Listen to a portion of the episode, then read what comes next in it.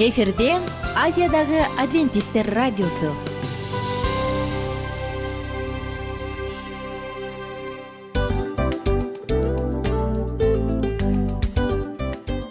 Достор салют. Баардык сүйүктүү угармандарыбызга салам айтабыз. Кутман күнүңүздөр менен. Ден соолук өмүрдүн булагы демекчи саламат саамы программасында баарыңыздарды көргөнүбүзгө абдан кубанычтабыз. Анда алгач амандашып өтөлү арбаңыздар деп. Ден соолугуңуздар кандай элибизде көбүнчө ден соолук кандай дегенде эле жакшы деп жооп беребиз э? ооруп турсак дагы жакшы дейбиз. Анан мен муну айтып ойлойт элем бул абдан сонун сөз депчи анткени бул жакшы деген үмүт да э ооба баары жакшы болот. Баары сонун. Деп үмүттөнүп атып эле өзүбүздү өзүбүз дарылап коебуз. Анысы кандай? Сиздин дагы ден соолугуңуз жакшы беш деген үмүттөбүз чындыгында ден соолук бул өмүрдүн булагы деп бекеринен айтылган эмес деп ойлойм. Кыргыз элинде анткени эгерде ден соолук жок болсо анда адамдын жашоосунда калган баардык керектүү маңыздуу нерселер өзүнүн баалуулугун жоготуп коет. Ошондуктан ден соолук бул эң керектүү нерсе. Ооба туура айтасың кесиптешим. Чынында ден соолугуң жок бир эки үч күн ооруп калсаң эле э кандай болуп калат? Жашоодо көз каранды болуп каласың көп нерсеге жетишпей каласың көп нерсени кыла албай каласың жада калса эшикке дүкөнгө да чыга албай каласың. Туптуура анан ден соолук болсо демек биз биздин бактыбыз тоодой деп койсок болот. Анда достор саламат саамы рубрикабызды баштайлы. Алдыда өзүңүзгө керектүү болгон сонун кеңештерди уга аласыздар. Мына ошондуктан биз менен бирге болуңуздар. Ал эми биз болсо милан жана айнура. Кеттик алга. Алга саламат саама ден соолуктун жарчысы. Саламат саама ден соолуктун ачкычы. Күн сайын сиз үчүн мыкты кеңештер сонун жаңылыктар кызыктуу фактылар биздин рубрикада.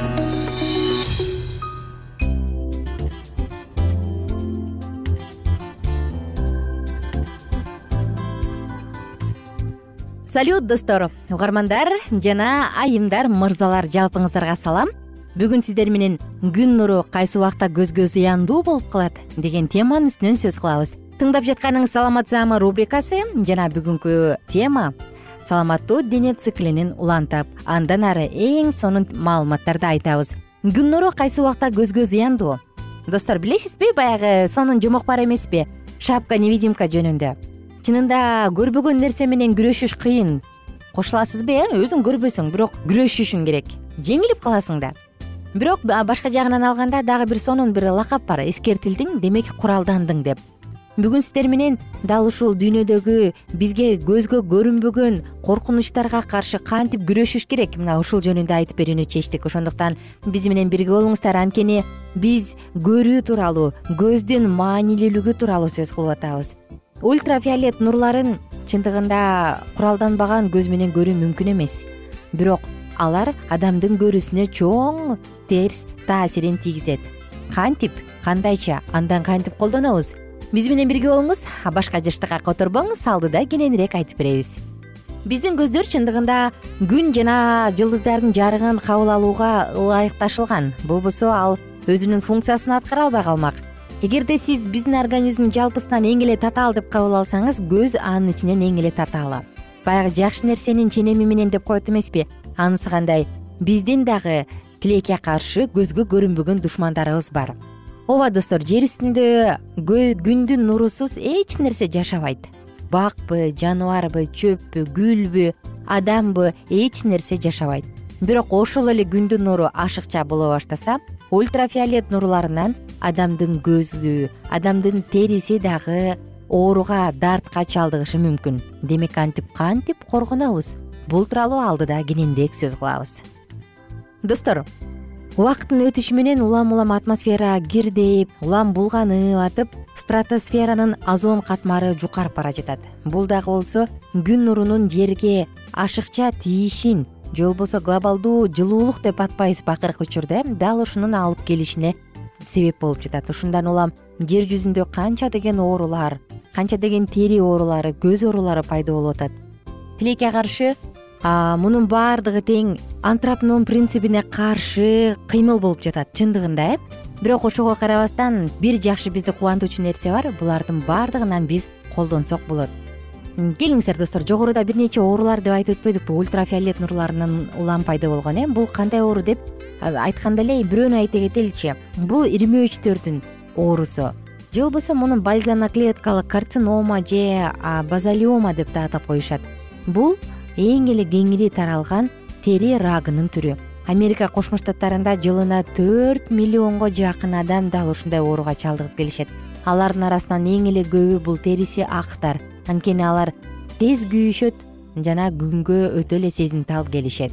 Күн нурунан айнекчелдин оорусу дагы келип чыгат. Анткени көзгө жеткен ультрафиолет нурунун көп бөлүгү дал ушул айнекчелге тиет. Уф в жана уф с деп коебуз дал ушул нурлар бул жогорку интенсивдүү нурлар. Айнекчелде интерлейкн затынын иштеп чыгуусуна алып келери далилденген ал болсо сезгенүү жана фотокератин сыяктуу ооруларды чакырат.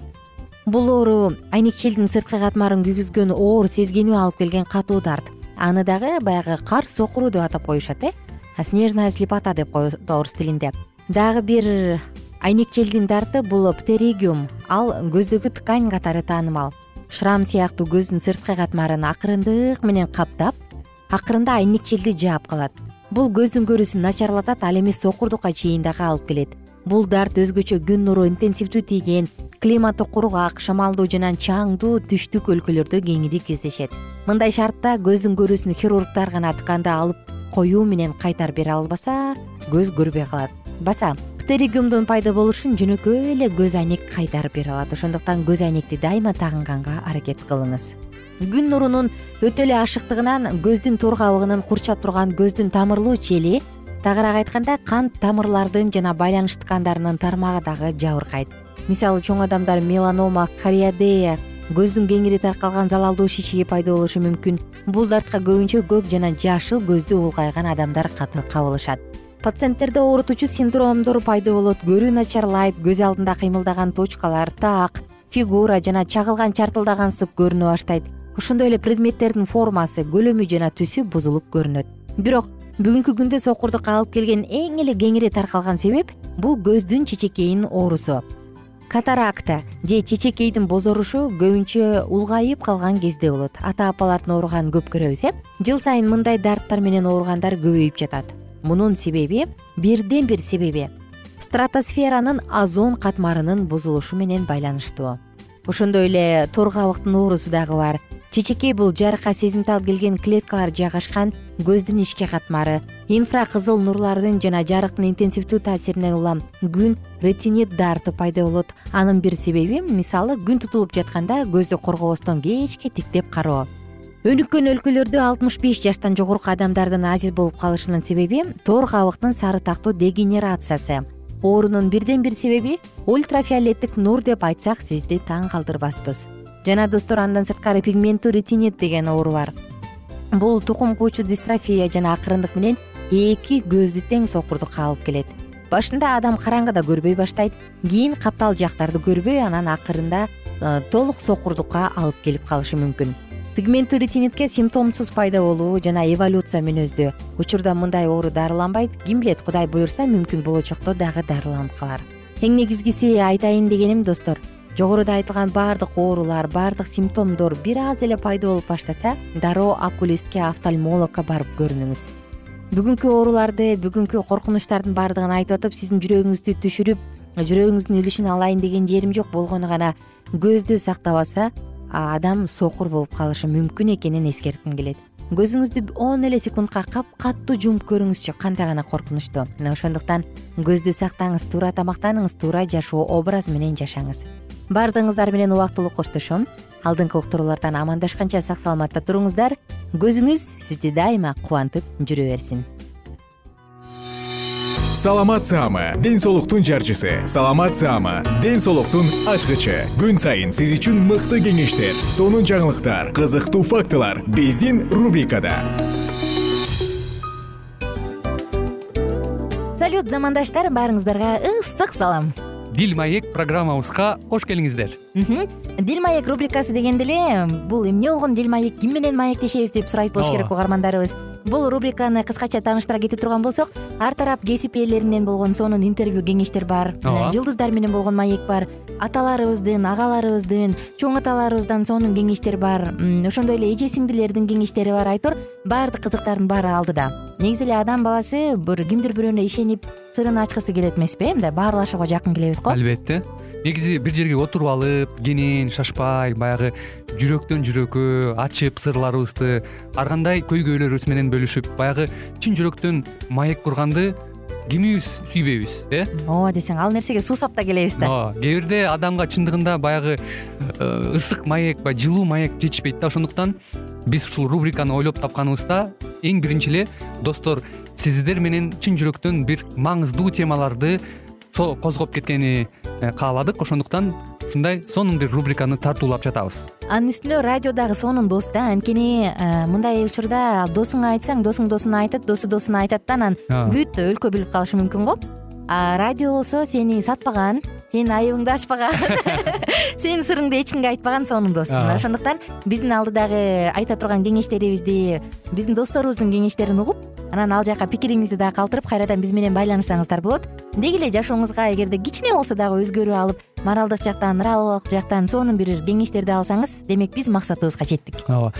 Чыңгыз атабыз улуу жазуучу э, чыңгыз айтматов айткандай адам болуу бул күнүмдүк процесс экен. Күн сайын адам бойдон калуу бул адамзатка эң эле кыйын дейт э? э эң кыйын дейт. Чындыгында бунун негизинде адамдын эң баягы сапаттуулугу адамдын э, адамгерчилиги жана көптөгөн керектүү нерселер мына ошол темалар дагы бизде э, ушул дил маекте биз аларды да козгойбуз. Ден соолук жөнүндө да сүйлөшөбүз. Сөзсүз түрдө. Анан милан мырза негизи айтып коюшат го? Биз көбүнчө эмнени ойлонсок ошол нерсеге карата иш кылабыз го? Ооба. Анан анысы кандай балким бул радио баракчада кимдир бирөөнүн оюн текшергенге жардам берет кимдир бирөөнүн жүрөгүн текшергенге жардам берет. Балким кимдир бирөөгө жашоонун маңызын тапканга жардам берер. Айтор кызыктын баары алдыда бул жөн гана кыскача жарнама анда угармандарыбыздын баардыгын кийинки рубрикабызга чакырабыз. Ал эми кызматта маңдайымда отурган кесиптешим милан жана мен айнура. Анда эмесе биз даярдаган терең терең ойлор менен таанышууга кеттик. Алыс алыс баралык анда эмесе достор биз менен бирге болуңуздар. Алдыда эң кызыктуу маалыматтардын баардыгы бир нече мүнөттөр бою жалгыз гана сизге арналат мына ошондуктан жакшы маанай менен угууну каалайбыз үн алышканча. Жөнөдүк. Ар түрдүү ардактуу кесип ээлеринен алтын сөздөр жүрөк ачышкан сыр чачышкан сонун маек дил маек рубрикасында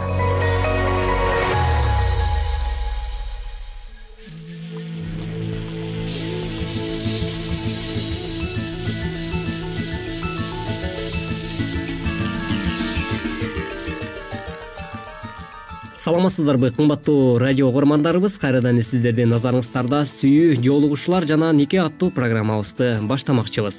Бүгүнкү программабыздын чыгарылышында биз ар бир жаш адам жоолугушуулар жөнүндө деги эле эмнелерди билиши керек. Дал ушул туурасында сөз кылабыз андыктан э, биздин ободон алыстабай дал ушул мүнөттөрдө биз менен биргеликте болуңуздар. Өспүрүм кездеги эң кереметтүү нерселердин бири бул балдар кыздарга кызыга баштагандыгы сен кечээ эле шылдыңдап жүргөн секелек кыз бүгүн сенин көзүңө таптатынакай болуп көрүнүп калат. Сен эми анын жанынан чыккың да келбей калат. Кыздар менен жигиттердин ортосундагы бири бирине болгон тартылуу табигый нерсе. Мына ушул жерден жоолугушуулар жөнүндө суроо пайда болот. Деги эле жоолугушуулар деген эмне? Жоолугушуу бул кыз жигиттер алдын ала макулдашып алып анан кездешүү. Анткени ар бир адам башынан өткөргөн кайгы же кубанычын башка бир адам менен тең бөлүшкүсү келет эмеспи. Жаратылышта эс алуу мектептеги майрамдар дагы башка чогулуштар бул эң биринчи жоолугушуулар үчүн абдан ыңгайлуу болуп келет. Мындай жоолугушууларда сен өзүңдү эркин сезе аласың. Эмне жөнүндө сүйлөшсөм деп башыңды оорутпайсың. Андан кийин эки кыз жигит бирге жоолугуша алышат. Жекече жоолугушууларга кийинчерээк барса болот бирок жаш кыз биринчи жоолугушууга жалгыз барбашы керек. Ошондой эле жоолугушуулардын дагы пайдалуу жактары бар. Жоолугушуулар бизге кубаныч гана тартуулабастан анын пайдалуу жактары дагы бар экен.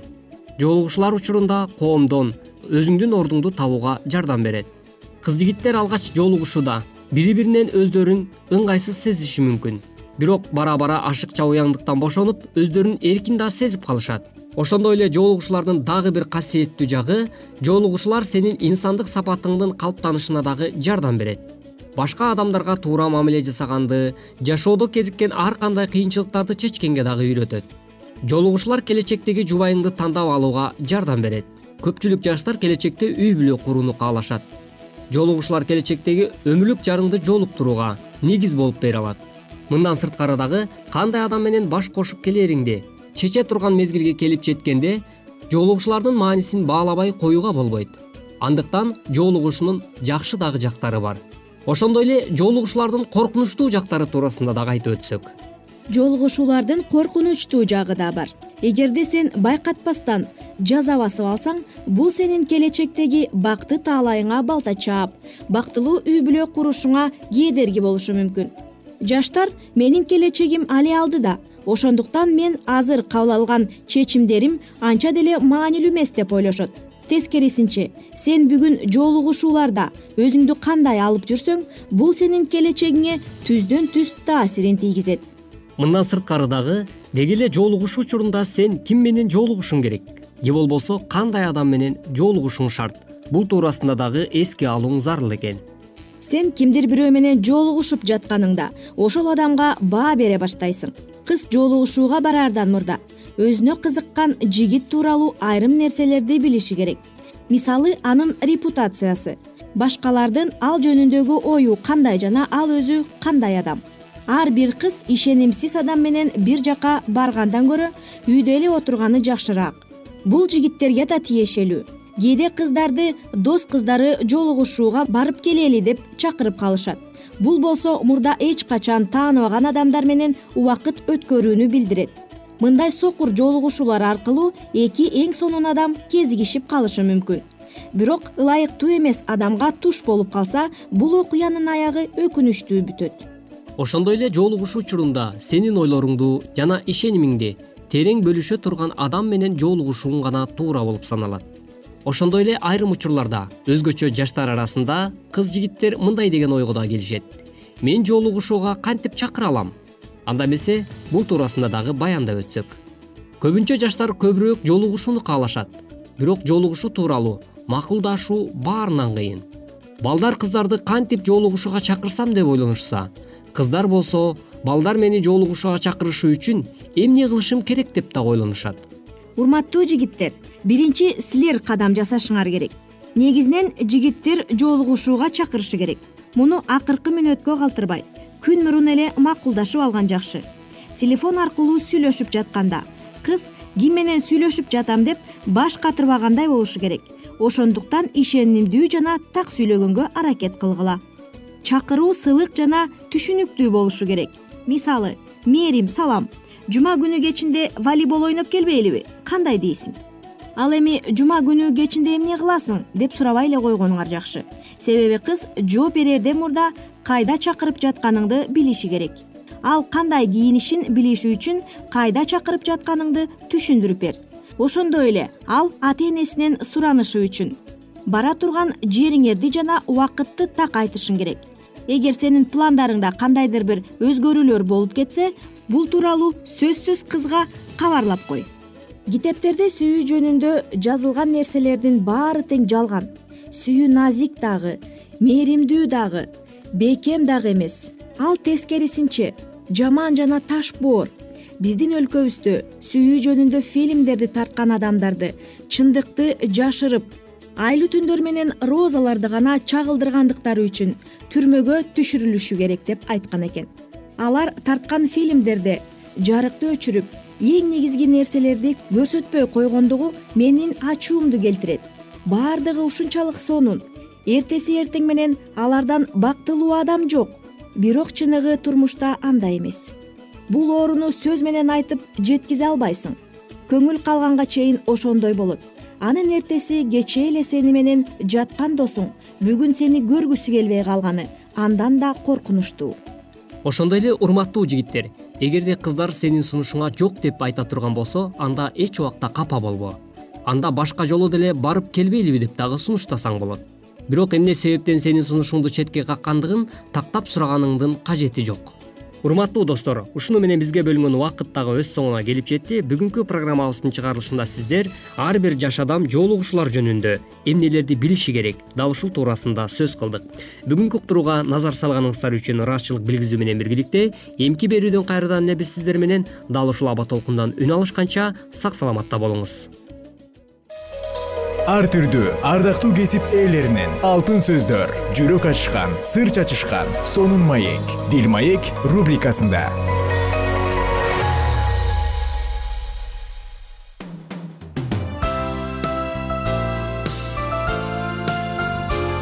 Эфирде азиядагы адвентисттер радиосу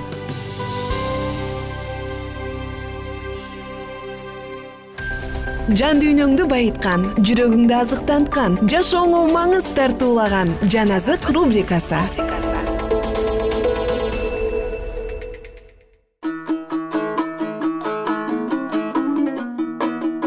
Кутмандуу куш убак күнүңүздөр менен биздин кымбат угармандарыбыз сиздер менен улуу күрөш китебин улантабыз. Улуу күрөш жашоонун чындыгы жана жашоонун жарыгы болгон сонун маалыматтарды биз менен бирге тыңдаңыз бирок чындыктын ишенимдүү күбөлөрү тарабынан чечкиндүү каршылык көргөндөн кийин ал ийгиликке жетишпестен башка далил табуу үчүн мамлекетти бир канча убакыт калтырып кеткен. Көп убакыт өтпөстөн ал кайрадан чоң ийгиликке жетүү максатында англияга кайрылып келет. Ал теңир аркылуу жазылган деп пергамент кагазына жазылган жазуу алып келген. Анда ишемби күнүн сактоо буйругу жазылган жана ким аны сактабай андан баш тарта турган болсо аларды коркунучтуу жаза күтүп тургандыгы белгиленген. Бул жасалма баалуу документ туурасында мындай дейт. Бул асмандан түшүп голгофадагы касиеттүү симеондун курмандык чалчу жайында табылган. Бирок чындыгында бул жалгандык римдеги папанын сарайында жаралган. Папалык бийлик бардык кылымдар аралыгында жалгандык жана бурмалагандык менен аракеттенген жана өз бийлигин чиркөөнүн жыргалчылыгынын ар кандай ыкмасы менен бекемдөөгө күчүн жумшаган. Кагазда ишемби күнү жумушту тогузунчу саатта башкача айтканда түштөн кийинки саат үчтө күн батканга чейин аптанын биринчи күнү башталганча токтотуу буйругу жазылган. Ушундай талаптарды аткаруу көп сандаган керемет иштердин болуусу менен далилденген. Мисалы ишемби күнү саат үчтөн калып иштеп жатышкан адамдар шал болуп калышкан бир тегирменчи ушул убакыттан ашык тегирменин иштетип жатып ундун ордуна кан агып жатканын көргөн. Суунун катуу агымына карабастан тегирмендин дөңгөлөгү токтоп калган. Жекшемби күнү нан бышыруу үчүн бир аял камырын мешке салып оттун абдан күчтүүлүгүнө карабастан чыгарып алса камыр ошол бойдон эле экен. Башкасы камыр жууруп жатып жекшемби күнү болуп калганын көрүп аны кийинки күнгө чейин калтырып коет. Кийинки күнү ал аял өз камырынын кудайдын кудурети менен бышып калганын нан салгычта кесилип даяр турганын көрөт. Кимдир бирөө ишемби күнү саат үчтөн кийин нан бышырып жаңы жана аны сындырса ичинен кан агып кеткен. Мына ушуга окшогон жалган кара ниеттик менен жасалма кылып чыгарылган далилдери менен жекшемби күндүн жактоочулары анан анын ыйыктыгын далилдөөгө аракет кылышкан. Шотландияда дагы англия сыяктуу эле жекшемби күнүн сактоо ийгилигине байыркы ишемби күндүн бөлүктөрүн киргизүү менен жетишишкен. Бирок ыйык деп эсептелген мезгилдер алмаштырылган жана шотландия падышасы аркылуу мындай буйрук чыккан. Касиеттүү мезгил ишемби күнү түшкү саат он экиде башталат жана ушул убакыттан дүйшөмбү күндүн таңына чейин эч бир адам өздөрүнүн дүйнөлүк иштери менен айланышуусуна тыюу салынат. Бирок жекшемби күндүн ыйыктыгын далилдеш үчүн кандай гана күч колдонулбасын папанын жактоочуларынын өздөрү дагы ишембини кудай койгондугун жана анын ордуна адамдардын майрамы келгендигин моюндарына алышкан. Он алтынчы кылымда папалык кеңеш мындай дейт. Бардык христиандар жетинчи күн кудай аркылуу касиеттүү болгондугун эстеп жүрүшү керек. Бул күндү бир эле иудейлер гана эмес бирок башка ага кызмат кылышкан адамдар дагы кастарлап сакташкан. Жана ушуга карабастан биз христиандар алардын ишемби күнүн теңирдин күнүнө алмаштырдык. Кудайдын мыйзамдарын буту менен тебелеген адамдар өз кылган иштеринин сапатын абдан жакшы билишкен. Алар билип туруп өздөрүн кудайдан жогору коюшкан. Римдин башка бойдогу адамдарга кылган мамилелерин билүүнүн таң каларлык үлгүсү бул алардын ишемби күнүн сактап келишкен валдендерге кылган узак мезгил каандуу куугунтуктары болуп саналат. Төртүнчү осуят болгон ишенимдүүлүгүн көргөзгөнү үчүн өз өмүрү менен төлөм төлөшкөн башка адамдар дагы болгон.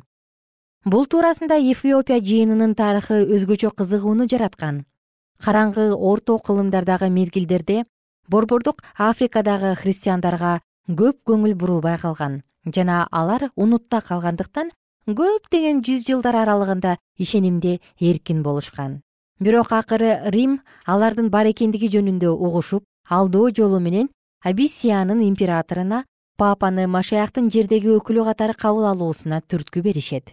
Жана ушуга жол берүү менен анын артынан көптөгөн нерселерге дагы жол берүүгө туура келди. Ишемби күнүн ыйык сактоо катуу жазалоо менен коштоло тургандыгы жөнүндө мыйзам чыгат. Бирок көп убакыт өтпөстөн папалык тартып алган бийлик оор моюнтурук тагынып алгандыктан аны африкалыктар жок кылуу чечимин кабыл алышкан. Катуу айыгышкан кармаштан кийин алар папалык бийликти өз жеринен кууп чыгышат жана кайрадан байыркы ишеним калыбына келтирилет. Бардык ишенген адамдар кайрадан эркиндик алышты жана бийликти күч менен тартып алган папалык кыймылдын берген ачуу тажрыйбасын эч качан унутушкан жок.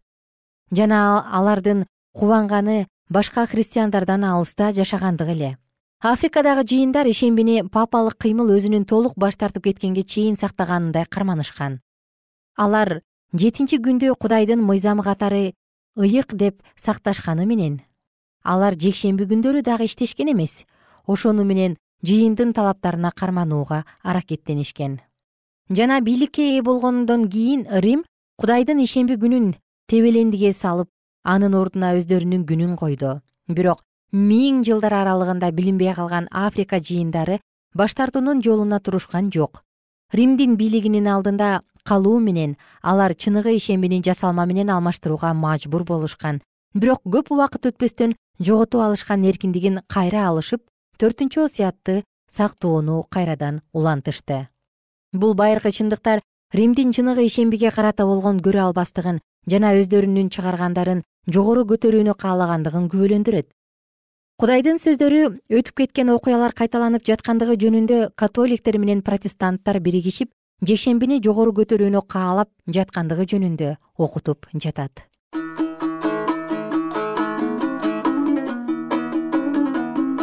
Кымбаттуу досум сиздер менен улуу күрөш китебинен эң сонун үзүндүлөрдү окуп өттүк. Уктуруубузду кийинкиде мындан ары улантабыз баардык кызыктар алдыда. Биз менен бирге болуңуздар күнүңүздөр көңүлдүү улансын бар болуңуздар бай болуңуздар. Бүгүнкү күн сизге эң сонун маанай тартууласын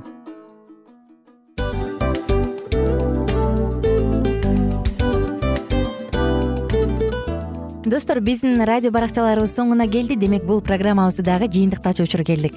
Учурга келдик. Анан кесиптешимден сурагым келип турат. Негизи эле иштин башталып атканы кубандырабы сени же жыйынтыгы кубандырабы албетте жыйынтыгы. Себеп дегенде сен кылган ишиңдин жыйынтыгын көрүп э, баягы мөмөсүн көрүп дегендей жыргайсың жүрөгүң жемишинен тартып э кандай даамдуу деп. Баягы буудай сепкенде эмес буудай эгинди жыйнагандан кийин ысык нанды жегенде кадимкидей ырахаттанасың го. Ой айтпа туура айта кеттиң сонун салыштыруу болду анан мен дагы абдан кубанып турам анткени биз угармандарыбыз үчүн аябай эмгектенип келген уктуруубуздун соңуна келип калдык.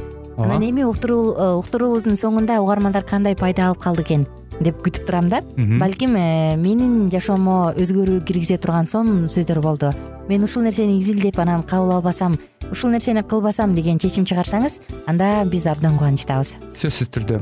Андыктан кийинки биздин кызыктуу уктурууларыбыздан көрүшкөнчө сак саламатта калыңыздар. Чыдамсыздык менен сиздерди мен милан жана кесиптешим айнура күтөбүз баардык угармандарыбызга ийгиликтүү күн каалайбыз. Качан гана болбосун уртуңуздан жылмаюу кетпесин үйүңүздө көмүр жүрөгүңүздө көңүл болсун дейли